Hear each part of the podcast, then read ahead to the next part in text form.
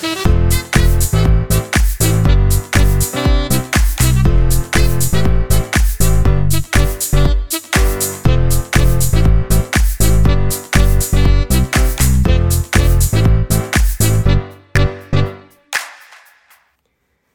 ondernemers willen over het algemeen genomen te snel. En nou ja, dat dit uit mijn mond komt, is best bijzonder. Want ik ben uh, ook een uh, resultaatgerichte ondernemer.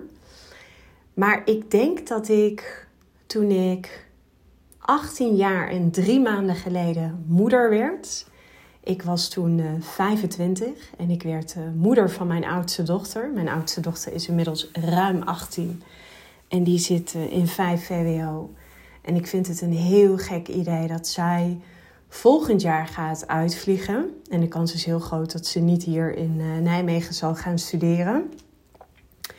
Overigens uh, maakt het mij in de basis niet zo heel veel uit wat mijn kinderen doen.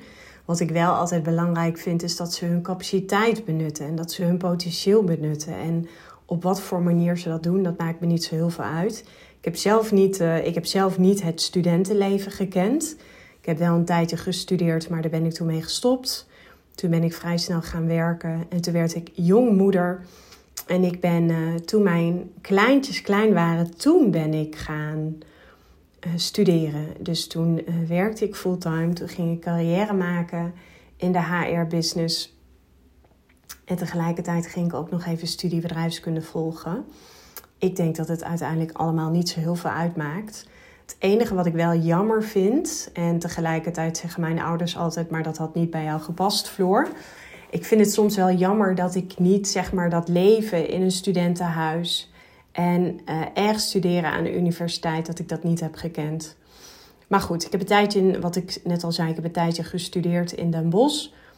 Uh, maar ik ben best wel iemand van de praktijk. En dat is een mooi bruggetje naar deze podcast. Ondernemers willen vaak te snel. Nou, ik werd dus met mijn 25ste moeder. En uiteindelijk voor mijn 30ste had ik drie prachtige dochters. Moet ik wel heel eerlijk bekennen, het is heel fijn om jongmoeder te worden. En tegelijkertijd zit je tussen je 25ste en je 30ste zit je ook heel erg in een fase van je leven dat je vragen stelt als wie ben ik, wat wil ik, ja, wat kan ik betekenen in deze wereld en voor de maatschappij. Maar wat er toen bij mij wel geboren is, is een dosis geduld.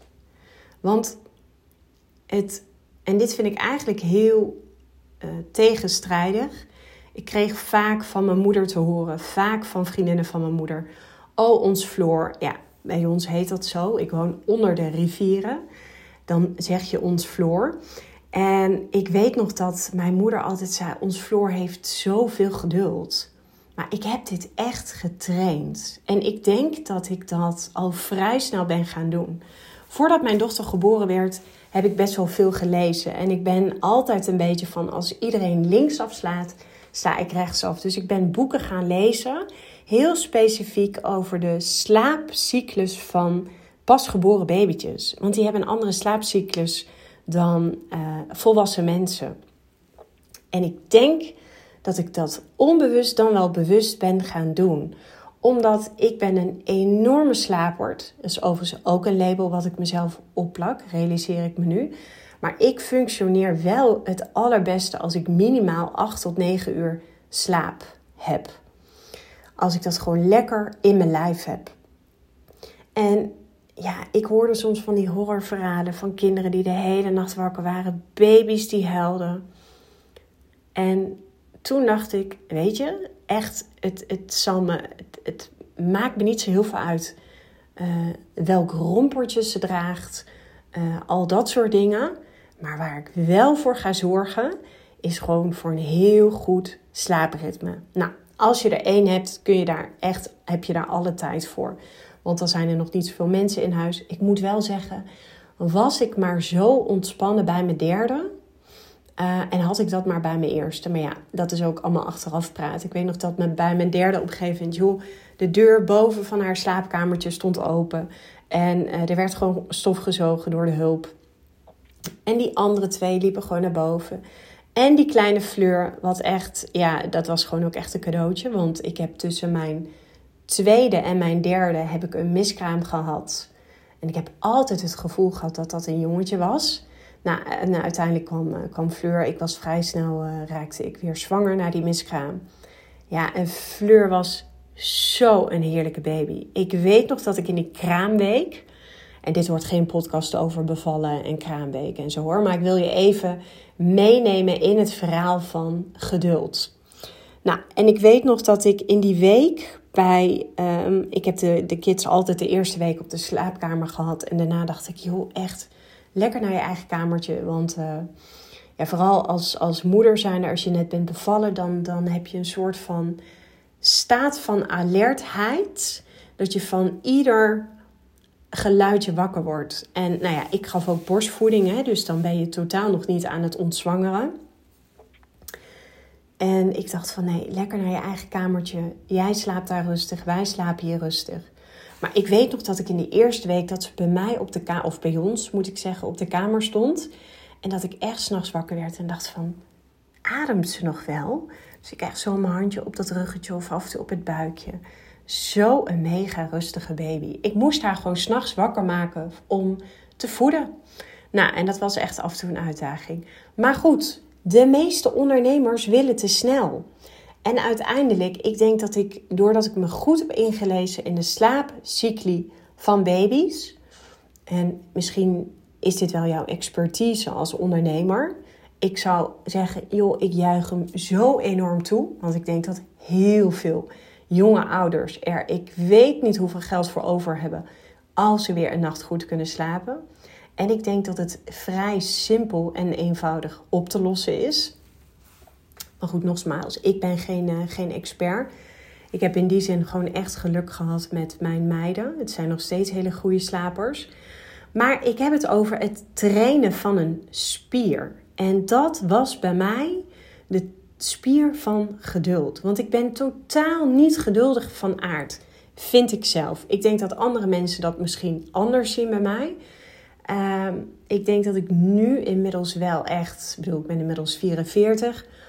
Ehm, en ik denk wel dat ik nu veel meer geduld heb dan dat ik had toen ik 25 was.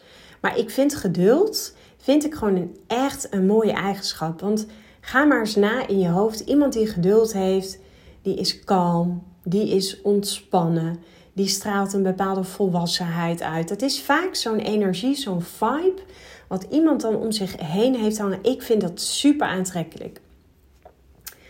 En um, uiteindelijk heb ik gemerkt, daar is eigenlijk mijn geduld geboren.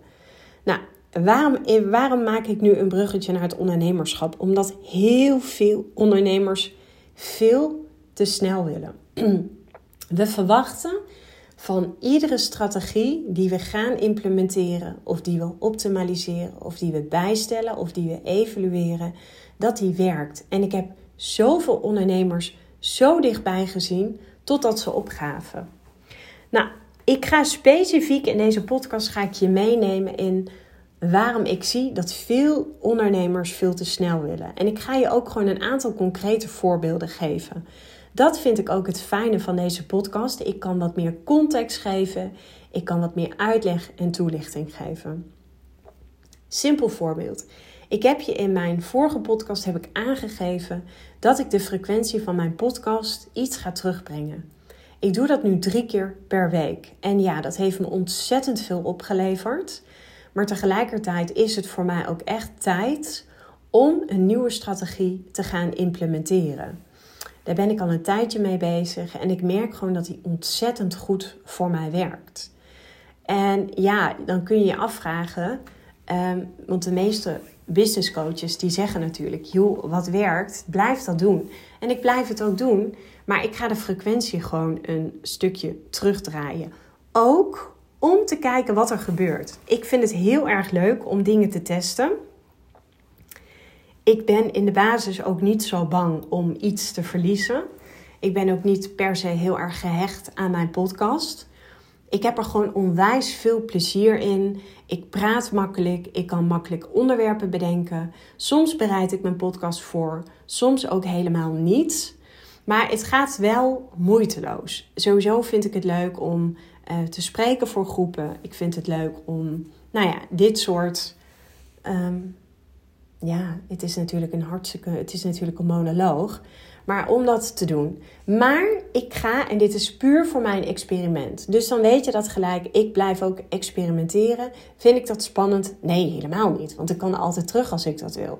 Maar ik ga de frequentie ga ik gewoon eventjes terugbrengen. Die gaat dus naar twee keer in de week vanaf 1 juni. Dus dan weet je dat bij deze. Maar ondernemers willen te snel. En wat ik je daarin eventjes wil meenemen is... op dit moment zie je gewoon in de markt... Uh, kijk, ik kom best wel uit het hele online stuk. Hè? Dus ik heb heel lang in die, in die online bubbel gezeten, als, als, als ik het even zo mag verwoorden. Terwijl je ziet nu, en dit is echt na corona ontstaan, je ziet dat ondernemers steeds meer um, behoefte hebben om live te connecten met uh, andere ondernemers of met potentiële klanten of met andere mensen. Wat ik me heel goed kan voorstellen. Bovendien is het ook echt gemakkelijker om live aan iemand te verkopen. Dat komt als je het hebt over de know, like, trust fase. Dat gaat veel sneller. Ik bedoel, eh, stel je voor, jij zit op een event of op een netwerkbijeenkomst en je hebt gewoon met iemand gesproken. Weet je, wij uh, mensen scannen, en specifiek vrouwen doen dat. We scannen mensen gewoon heel snel en we plaatsen je heel snel in het hokje. Ik vind je leuk of ik vind je niet leuk. Gebeurt bij mij ook. Oké, als, als ik je niet leuk vind, dan weet je dat, dan kom je erachter. Zo werkt het ook met daten. Als mensen je leuk vinden, fantastisch. Want dan gaan ze moeite doen. Um, en andersom geldt het natuurlijk ook voor mij. Als ik iemand leuk vind en ik vind het leuk om met iemand te praten, dan kan het zijn dat we daarna een keer bellen. Maar er moet een zogenoemde klik zijn.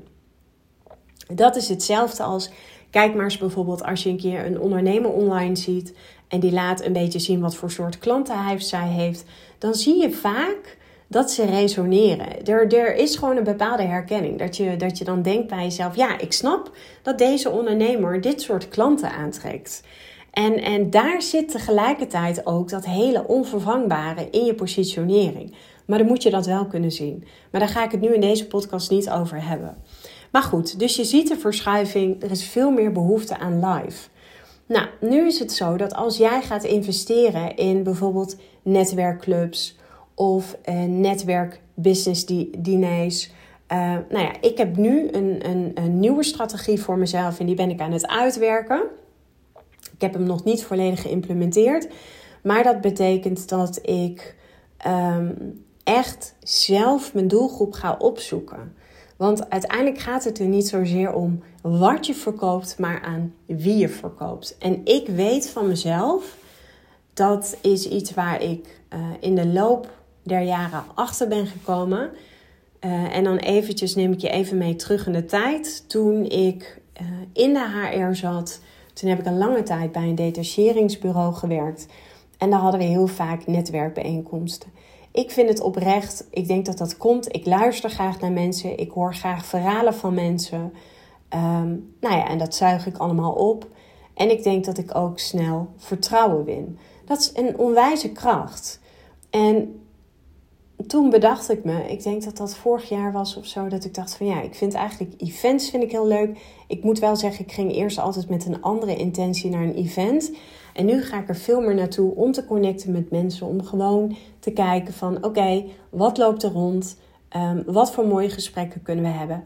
En schroom niet om mensen wat tips mee te geven. Maar even terug naar ondernemers willen te snel. Je kunt niet nadat je één keer een event hebt bezocht, je kunt niet nadat je één keer een netwerkbijeenkomst hebt bezocht, je kunt dan niet zeggen of het wel of niet voor je werkt. Dat is echt te kort door de bocht. Als jij verwacht dat je een avond naar een netwerkbijeenkomst gaat en je verwacht daar gelijk handel uit te halen, zo werkt het niet. Sterker nog, ik ben totaal niet bezig met handel ophalen. En dat is een beetje hetzelfde. En je zult mij vaker in mijn podcast dit horen zeggen. Dat is een beetje hetzelfde als in de liefde.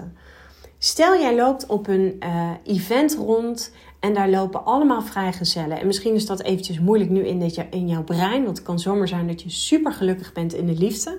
Maar verplaats jezelf even naar het moment dat je bijvoorbeeld vrijgezel zou zijn. En je loopt daar rond En je bent bezig met: oké, ik moet hem hier of ik moet haar nu hier echt tegenkomen. Wat denk je dat er gebeurt? Je legt jezelf een bepaalde druk op. Je hebt torenhoge verwachtingen. En we weten allemaal, verwachtingen stellen je alleen maar teleur. Maar wat gaat er gebeuren? Je gaat daar met een hele andere energie ga je daar rondlopen. En als je daar rondloopt en je zou denken van nou, ik ga gewoon eens kijken, leuk, met mensen praten. Ik bedoel, wat doe je als je op een verjaardag bent? Dan praat je ook met mensen. Natuurlijk zijn wij allemaal geneigd om altijd eventjes onze veilige mensen op te zoeken. Dus mensen met wie we een klik hebben, of onze vrienden of onze kennissen. Dat is heel normaal. Maar ik ben me op een gegeven moment echt, ik denk dat ik dat onbewust deed. En dat was nog vanuit de tijd dat je zeg maar. Ehm, ik weet niet of je dat kent, maar ik weet nog toen onze kinderen wat kleiner waren. In de tijd dat ik ook nog samen was met de vader van mijn kinderen. Maar dan ging je naar verjaardagen. Maar ik vond het altijd sowieso leuk. Ehm, en ik denk dat dat altijd wel een beetje in me heeft gezeten. Dat had ik ook op de basisschool. Als er dan een nieuw kindje in onze klas was, dan had ik altijd de neiging om me te ontfermen over die persoon. En ik had het vanochtend bijvoorbeeld ook in de crossfitles. Er was een, uh, een nieuwe dame, die was nieuw. En ik merk altijd aan mezelf dat ik dan op de een of andere manier gaat mijn aandacht naar haar uit. Dus ik ben bezig met, oké, ehm, eh, kan ze de weg wel vinden? Nou, dat is denk ik gewoon een beetje die zorgmuts in mij. En dat doe ik dus ook op een netwerkbijeenkomst. Ik voel ook geen schroom of zo om daar mensen af te stappen. Sterker nog, er zijn ook weer hele handige uh, dingetjes voor. Uh, en soms kan je ook gewoon vragen: joh, mag ik even bij komen staan? Maar je kunt niet na één. Je kunt niet na één netwerkbijeenkomst stellen of het wel of niet voor je werkt. En ik had het net over de spier van geduld trainen. En dit is vooral de spier trainen van dat je onthecht bent. Volgens mij heb ik het in mijn vorige podcast benoemd. Ware liefde is als je echt unattached kan zijn. En dat is ook zo'n netwerkbijeenkomst gaat voor je werken als je niet gehecht bent aan het resultaat. Je connect met mensen en je hebt gewoon een dijk van een opvolgstrategie nodig. Maar daarover zo meer. Maar ondernemers willen ook te snel. Ook bijvoorbeeld als ze gaan podcasten. Dan besluiten ze te gaan podcasten. En dan verwachten ze heel snel: oké, dan gaan mensen van me kopen of dan boeken ze een call bij mij. Maar zo werkt het niet. Als het zo gemakkelijk zou zijn, dan zou iedereen dat wel doen. Mensen hebben gewoon tijd nodig en tegelijkertijd zijn mensen in de basis lui. Ook super belangrijk om te weten. Jij hebt soms ook eventjes de mensen die om je heen hangen. Die heb je gewoon af en toe even naar je toe te trekken. Om daar even naar uit te reiken. Ja, en loop je dan soms een blauwtje? Ja, natuurlijk loop je soms een blauwtje bedoel, uiteindelijk zie ik netwerken, het bouwen van relaties, want dat is wat je doet als je ondernemer bent. Uh, dus ga jezelf ook alsjeblieft niet labelen met ik ben geen netwerker. Ik heb het heel lang gedaan. In het begin van mijn ondernemerschap. Ik ben uiteindelijk heb ik gekozen voor een strategie waarbij ik ben gaan adverteren. Achteraf gezien had ik er nog meer strategieën naast mogen hebben. Zodoende adviseer ik mijn klanten ook drie tot vijf strategieën te hebben die ondersteunend zijn aan elkaar, complementair, maar tegelijkertijd ook totaal uh, van hele andere aard. Maar ik heb mezelf in het begin van het ondernemerschap echt gelabeld als ik ben geen netwerker. En we weten allemaal, alles wat je hardop uitspreekt, als jij je met die gedachten gaat identificeren, dan is het waar. En voordat je het weet, kun je het niet. Nog een ander voorbeeld. Ik moest gisteren bij, tijdens de CrossFit, tijdens de WOD, moesten we boxjumps doen. En ik weet niet of je dat kent, dan moet je op van die strand. Zeg ik dat goed? Nee, dat zijn van die houten boksen. Maar gelukkig hebben we ze ook van um, foam. Zeg ik dat goed? Ja, van foam of zo. Nou, ik heb het heel lang op dat hout gedaan, totdat ik op een gegeven moment een beetje een error in mijn hoofd kreeg. En toen werd het een mentaal ding. En toen voelde ik op een gegeven moment, oh kak. Nou, toen ben ik geshift naar dat andere, want heel veel met het sporten is ook gewoon echt mindset. Daarom haal ik zoveel inspiratie uit het sporten uh, voor het ondernemerschap. Maar we moesten die boxjumps doen en we moesten hem op mannenhoogte doen. Ehm, even voor de goede orde. Ja, er zit echt een verschil in CrossFit tussen mannen krijgen vaak andere opdrachten. Soms is dat wat zwaarder ten opzichte van de vrouwen. Mannen hebben sowieso altijd vaak een, uh, een hoger, uh, zeg ik dat goed, een RX-gewicht. Ik weet even niet, ik ben er nog niet helemaal in thuis. Maar ik zei van tevoren tegen mijn trainer: dat gaat me niet lukken op die hoogte. En toen zei hij: hmm, dat weet ik niet, Floor. Dus ik uiteindelijk zet hem toch op die mannenhoogte. En dan moet je je voorstellen, daarmee is het een, centimetertje of tien hoger. En we moesten boxjumps doen. Uh, 21, 18, nou, nou, zo terugtellen. En dan een set. En dan moet je dat zeg maar 12 minuten tijd doen. En uiteindelijk was ik klaar. En toen dacht ik, eitje. Nou ja, eitje. Ook een beetje overdreven, want ik was heel stuk. Maar mentaal dacht ik dat ik het niet kon. Dus ik had gelijk een blokkade. En ik ging er ook gewoon in geloven. Maar doordat mijn trainer zei: Jij kan dit wel en je gaat het ook doen, heb ik het gedaan. Dus wat deed hij op dat moment?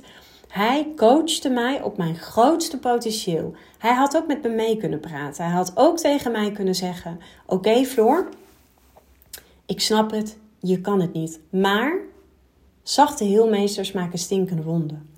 Dus uiteindelijk, en toen dacht ik daarna ook, oh ja, zie, dit is zo wat die mindfucks in je hoofd doen. Denken dat je het niet kan en je kan het vervolgens gewoon.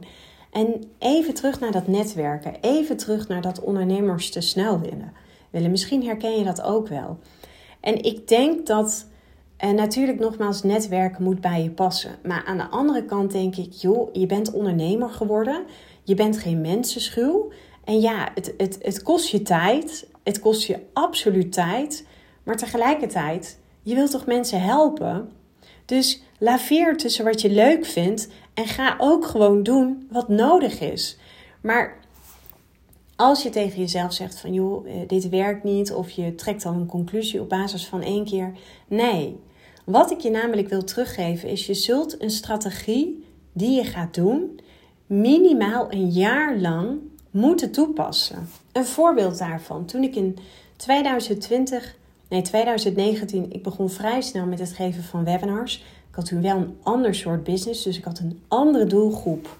En ik zat niet in, de, uh, in het high-end voor die model. Ik had echt een low-end uh, product. Waar overigens niks mis mee is, maar dat vraagt een andere strategie. Dat, nou ja, weet je, dat is gewoon weer een, een andere manier van ondernemen. Maar ik heb mezelf toen uh, gecommitteerd. Toen heb ik met mezelf afgesproken: ik ga mezelf een jaar lang toewijden aan deze strategie. Natuurlijk, toen ik net begon met het geven van webinars, was ik er nog niet goed in. Maar ik heb nooit gedacht: ja, dit past niet bij mij en hier ga ik niet goed in worden. Nee, mijn intentie was: ik ga hier zo goed in worden dat ik er zo'n fantastisch mooie omzet uithaal, zodat ik hier zoveel mogelijk vrouwen mee kan helpen. En uiteindelijk was het ook echt wat ik ging doen. Consistent, gedisciplineerd, een jaar lang. En eerst was het, uh, uh, gaf ik live webinars. En toen ben ik ze op een gegeven moment gaan opnemen. Toen ben ik ze gaan afdraaien. En dat werkte gewoon echt als een tierenlier. En ik ging steeds meer verfijnen. Dus ik ging natuurlijk ook kijken naar de cijfers. Wanneer haakten mensen af tijdens het webinar? Dus je moet echt wel de cijfers moet je goed analyseren. Maar, en dit is dus precies wat ik bedoel. Hetzelfde met het podcasten. Ik podcast nu sinds 2020 en het werkt gewoon goed voor mij. Ik merk dat ik het vertrouwen win van mijn potentiële klanten. Daarbij is het ook nog zo. Mijn podcast is ook voor de ondernemer die mij nu niet kan betalen. Maar, en dat wil ik wel even teruggeven, die zichzelf nog vertelt dat hij of mij niet kan betalen. Want ook dat is natuurlijk ergens maar een overtuiging. En ik wil in deze podcast niet alles in twijfel brengen, maar heel veel is natuurlijk hartstikke subjectief. En ook hoe wij ons identificeren met bepaalde gedachten. Maar daarvoor is natuurlijk ook mijn podcast. Maar wat ik al zei, ik ben nu bezig om een andere strategie te implementeren. Gaat de frequentie van mijn podcast terug. Maar hetzelfde geldt met zichtbaar zijn. Kijk, ik had het er van de week had ik het er met een ondernemer over. En ehm, ze vertelde van ja, ik merk gewoon uh, dat ik nog een beetje aan het zigzaggen ben. Dus dan ben ik super zichtbaar en dan laat ik het er gewoon weer eventjes bij hangen. En toen zei ik, ja, oké, maar er zit ook een vorm van consistentie in. Want ze zei, dan ben ik drie weken zichtbaar en dan in, uh, in een andere week, dan merk ik gewoon, dan heb ik het even lastig met mezelf of nou ja, allerlei redenen. Maar ook dat zijn weer labels hè, die, we, die we ons opplakken. En toen zei ik tegen haar, oké, nou ja, misschien moet je niet zo streng zijn. En er zit wel een bepaalde consistentie in. Kijk, ik vind het wat anders als je een maand zichtbaar bent en dan weer drie maanden niet. En dan weer een week en dan weer niet. Want dat is ook wat veel ondernemers doen. Hè? En dan heb je de hele tijd weer opnieuw die startersenergie nodig. Maar hetzelfde geldt, ondernemers willen te snel, ook ten aanzien van hun klant.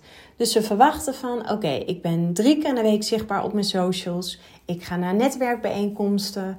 Ehm, ik heb een podcast. Ik reik naar mensen uit. Nou, nu moeten ze toch in mijn allerduurste traject gaan investeren. Maar zo werkt het niet. Wij mensen hebben gewoon tijd nodig. Dus het is ook aan jou om je klant eigenlijk aan de hand mee te leiden naar die trap. Dus dat kan zijn dat je bijvoorbeeld zegt van oké, je belt een keer met iemand, je hebt een keer een Zoom call met iemand, je kunt een keer live met iemand afspreken. Uiteraard vind ik dat daar een vergoeding tegenover moet staan. Dus een soort van kennismakingsgesprek. Je kan uh, hele laagdrempelige events geven voor een uh, niet al te hoge investering. Waardoor je eigenlijk zeg maar die trap, je noemt dat wel de productfunnel, naar je hoog, hooggeprijsde aanbod. Dat je je klant echt een beetje meeneemt op die trap. En dat jij als het ware de leuning bent voor je klant. Alleen dat is wat veel ondernemers over het hoofd zien. We willen nogmaals te snel. En ik zal nooit een ondernemer afremmen, want ik hou enorm van resultaatgerichte ondernemers. Maar soms kan je in je hoofd te snel gaan. En daarmee bedoel ik dat je te snel een conclusie kan trekken van ja, en deze strategie werkt niet voor mij. Maar netwerken is niets meer dan zaaien, zaaien, zaaien. En dat zit hem niet alleen maar in jezelf laten zien tijdens zo'n netwerkbijeenkomst. Nee, dat is ook bijvoorbeeld even een berichtje sturen naar iemand. Dus als iemand jarig is, ik vind dat bij LinkedIn vind ik dat fantastisch. Of gewoon, joh, uh, bel een keer met iemand. En ben in dat eerste telefoontje totaal nog niet bezig met je aanbod. Weet je, kijk gewoon of je die persoon wat tips kan meegeven. En als je zo voor jezelf een lead generator bouwt, oftewel een machine die constant draait, waar je eigenlijk constant leads mee aantrekt. Maar wat we vergeten is dat, dat wat daaraan vooraf gaat, is zaaien. Zaaien, zaaien, zaaien. En dit is wat ik bedoel met ondernemers willen te snel. Je hebt geduld nodig, je hebt vertrouwen nodig, je mag het proces zijn werk laten doen. Maar op het moment dat jij uh, voelt van ja, dit werkt niet voor mij, of nou, er boekt niemand een call bij mij, of uh, ik krijg mijn aanbod niet verkocht, ga dan eens even terug naar je energie. En dit klinkt een beetje zweverig, maar ga weer even terug naar het voorbeeld wat ik net met je deelde. Stel je loopt op een uh, bijeenkomst rond met allemaal singles en je bent eigenlijk op zoek naar de liefde van je leven. Wanneer denk je dat de kans groter is dat je die zult treffen? Als jij gewoon totally oké bent met jezelf, als je daar ontspannen rondloopt, vanuit vertrouwen, vanuit geduld, dat je gewoon leuk met mensen aan het kletsen bent, dat je het leuk hebt met jezelf, dan word je een magneet. Sowieso vinden we mensen die met een missie bezig zijn in het leven, vinden we sowieso woest aantrekkelijk. Daar hangt niet een bepaalde neediness omheen. En dit is dus precies wat ik bedoel met ondernemers willen veel te snel. Betekent het dan dat jij um, niet vanuit een bepaalde intentie naar bijvoorbeeld een netwerkbijeenkomst kan gaan of vanuit een bepaalde intentie kunt gaan podcasten? Nee, natuurlijk doe je dat uiteindelijk om jouw potentiële klant kennis met jou te laten maken. Maar wij kopen nog steeds van mensen die authentiek zijn, die oprecht zijn en waarbij we het gevoel hebben oh, ze hebben ons eigenlijk niet nodig. Ze kunnen heel veel waarde bieden voor mij, maar ik voel dat deze ondernemer mij eigenlijk niet nodig heeft. En ja, dat lijkt een beetje op een trucje van aantrekken en afstoten, hè? een soort van uh, playing hard to get. Maar dat is het niet. Ik denk dat je in de basis dat je gewoon. Uh, ik denk dat je focus echt moet liggen op oké, ik ga hier connecten met mensen. En natuurlijk kan je bedenken, want dat is ook wat ik doe op, als ik naar een netwerkbijeenkomst ga. Ik ga niet bij mijn eigen veilige clubje staan, want ja, overal waar ik kom ken ik altijd wel mensen. Of je kent mensen niet en dan ken je ze voor een tweede keer. Maar ik vind het altijd leuk om nieuwe mensen te ontmoeten, om nieuwe mensen te leren kennen. En nou, ik denk dat dat meestal mijn intentie is als ik naar een netwerkbijeenkomst ga. Door echt, oké, en uh, moet je op dat moment, moet je tijdens die eerste um, uh, dat contact gelijk iets aanbieden? Nee, dat hoeft helemaal niet. Ja, natuurlijk kun je aanbieden om even een keer te bellen of je kan een connectieverzoek doen. Of, maar belangrijk is, en nu komen we bij die opvolgstrategie, dit is waar veel ondernemers het laten liggen. Wat is belangrijk? Snel reageren. Ja, ik heb net gezegd, ondernemers willen te snel. Maar het is wel belangrijk om snel te reageren. Dus het is cruciaal om snel te reageren op vragen of op connectieverzoeken of op interesses van potentiële klanten. Want dit toont namelijk aan dat je betrokken bent en dat je ook hun interesse in jou serieus neemt. Dus ik heb voor mezelf de, de, de mogelijkheid om binnen 24 uur te reageren, maar bij voorkeur nog sneller.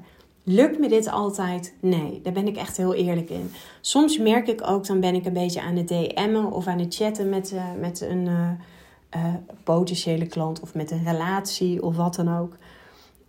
en dat kan via Instagram zijn of dat kan via LinkedIn zijn. En soms merk ik ook, ah, nou zijn we een beetje aan het over en weer chatten. Soms is het gewoon makkelijk om even te zeggen, joh, laten we even bellen. Kan ik even jou horen? Kan je even mij horen?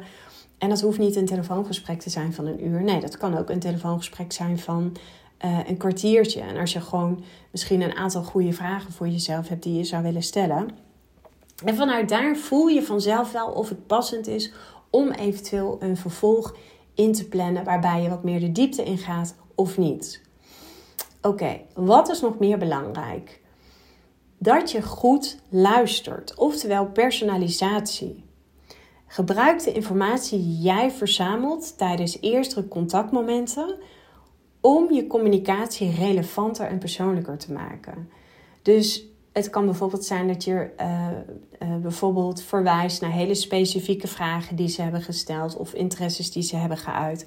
Laat zien dat je goed hebt geluisterd. Laat zien, want dat maakt namelijk dat iemand zich gezien en gehoord voelt door jou. En wat is onze nou ja, meest primaire basisbehoefte is dat we gezien worden. Wat is nog meer belangrijk? Is dat je waarde biedt.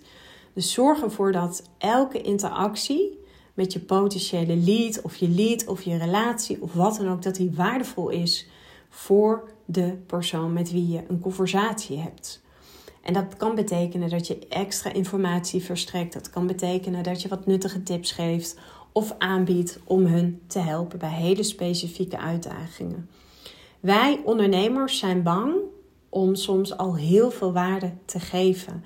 Maar realiseer je, realiseer je dat de juiste klant, die kan dat ontvangen. En de mensen die misschien alleen maar op zoek zijn naar tips of naar waarde of wat dan ook, fantastisch. Wees niet te bang om veel te geven uiteindelijk geloof ik dat alles voorbestemd is in het leven. Maar door waarde te bieden, laat je zien dat je een bepaalde expertise hebt en dat je ook bereid bent om hen te ondersteunen. Ik vind dat hier echt een hoog niveau van onbaatzuchtigheid in mag terugkomen.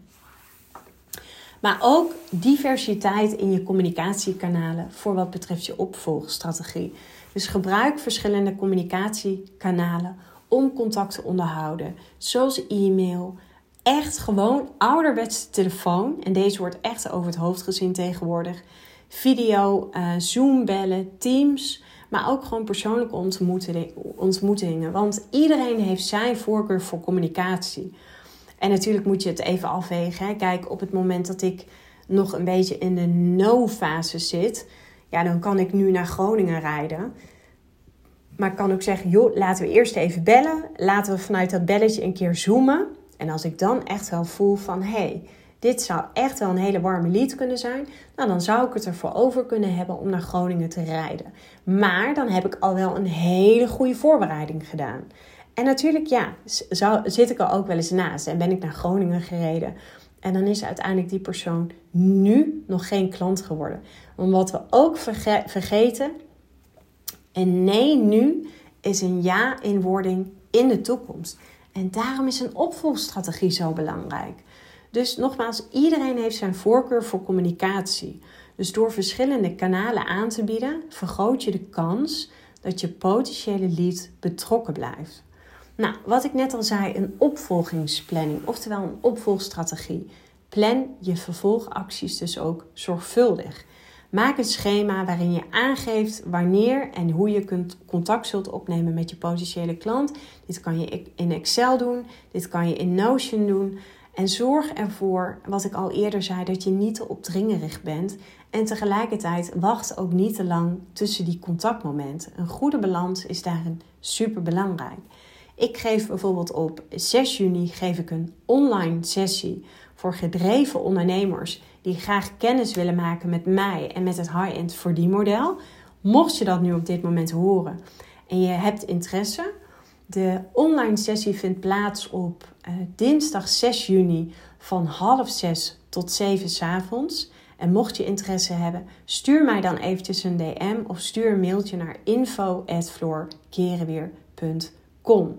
En dat behoort ook tot mijn opvolgstrategie. Want wat ik bijvoorbeeld zal doen is, ik heb nu al um, aardig wat aanmeldingen. En het leuke is, ik heb het gisteren online gedeeld. Um, maar ik ga hier natuurlijk ook zelf mensen voor benaderen die ik in het verleden heb gesproken, die bijvoorbeeld eerder aangaven dat het nog niet het juiste moment was. Maar ook oud-klanten kan ik ervoor benaderen. Dus ik heb uh, een, een lijst gemaakt en ik ga iedereen gewoon persoonlijk hiervoor uitnodigen. Dus je, opvolging, je opvolgplanning is belangrijk en dat je daar echt laveert tussen niet te opdringerig zijn, maar ook niet te lang wachten tussen contactmomenten. Een goede balans is super belangrijk en gebruik daarin ook gewoon aan de ene kant je gezonde boerenverstand en tegelijkertijd ook echt wel je intuïtie. Je voelt dat wel een beetje. Wat nog meer belangrijk is, het opvolgen van leads. Dus maak gebruik van een CRM. Jeetje, komt niet uit mijn woorden.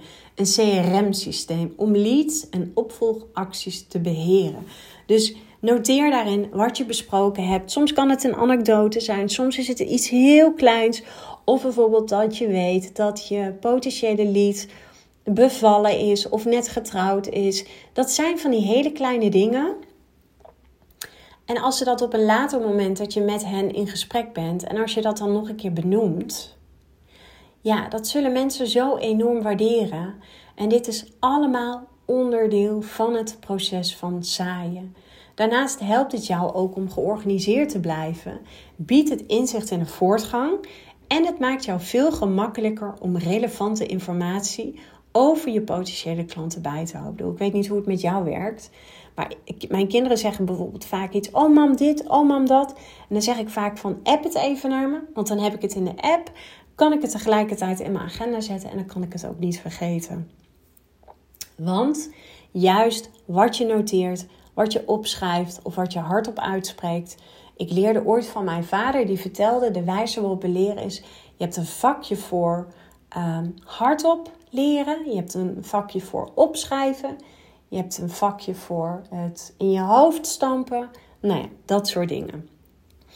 Maar wat ook nog belangrijk is, is de opvolging naar de verkoop. Het opvolgen van potentiële klanten mag natuurlijk niet stoppen zodra ze klant zijn geworden. Dus zorg ook voor een goede opvolging na de verkoop om ervoor te zorgen dat ze tevreden blijven met de dienst die ze gekocht hebben bij jou. Dus sowieso zorg voor een dijk van een onboardingsproces. En zorg er echt voor dat het voor jouw klanten een beleving is om met jou te kunnen werken. En beleving is echt een jeukwoord, maar je begrijpt wat ik ermee bedoel. En dat kan onder meer zijn door het bieden van een uh, klantenservice, door iets extra's toe te voegen, door iets toe te voegen waarvan ze weten: hey, dit kan ik nergens krijgen. Dus allemaal voor het onderhouden van de relatie, want de sale is never over. Ook niet wanneer je klant al eenmaal klant bij jou is geworden. Dus ja, als je het hebt over ondernemers willen te snel gaan, dan heb ik daar nu een hele podcast aan gewijd voor jou. te snel gaan als in te snel opgeven, dat de strategie niet voor je zou werken. Maar tegelijkertijd ook te snel willen gaan in de no, like, trust. Zorg dat je verschillende contactmomenten hebt. Zorg dat je de stappen niet te groot maakt voor uiteindelijk naar je hooggeprijsde aanbod. Nogmaals, je bent van harte welkom bij de online sessie op 6 juni van half 6 tot 7 s avonds. En ja, mocht je interesse hebben en mocht deze podcast met jou resoneren, mocht je willen weten welke mogelijkheden ik voor jou zie op dit moment binnen het high-end ondernemen, dan uh, boek eventjes een call. Ik ben heel erg benieuwd naar jou en ik wil je voor nu onwijs bedanken voor het luisteren.